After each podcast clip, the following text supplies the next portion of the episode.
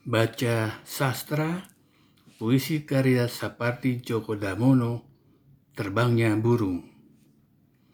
Terbangnya burung hanya bisa dijelaskan dengan bahasa batu.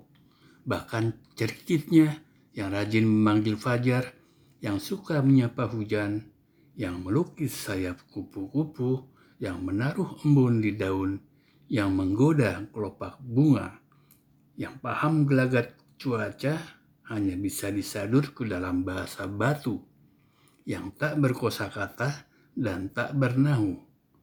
Lebih luas dari fajar, lebih dalam dari langit, lebih pasti dari makna, sudah usai sebelum dimulai, dan sepenuhnya abadi tanpa diucapkan sama sekali.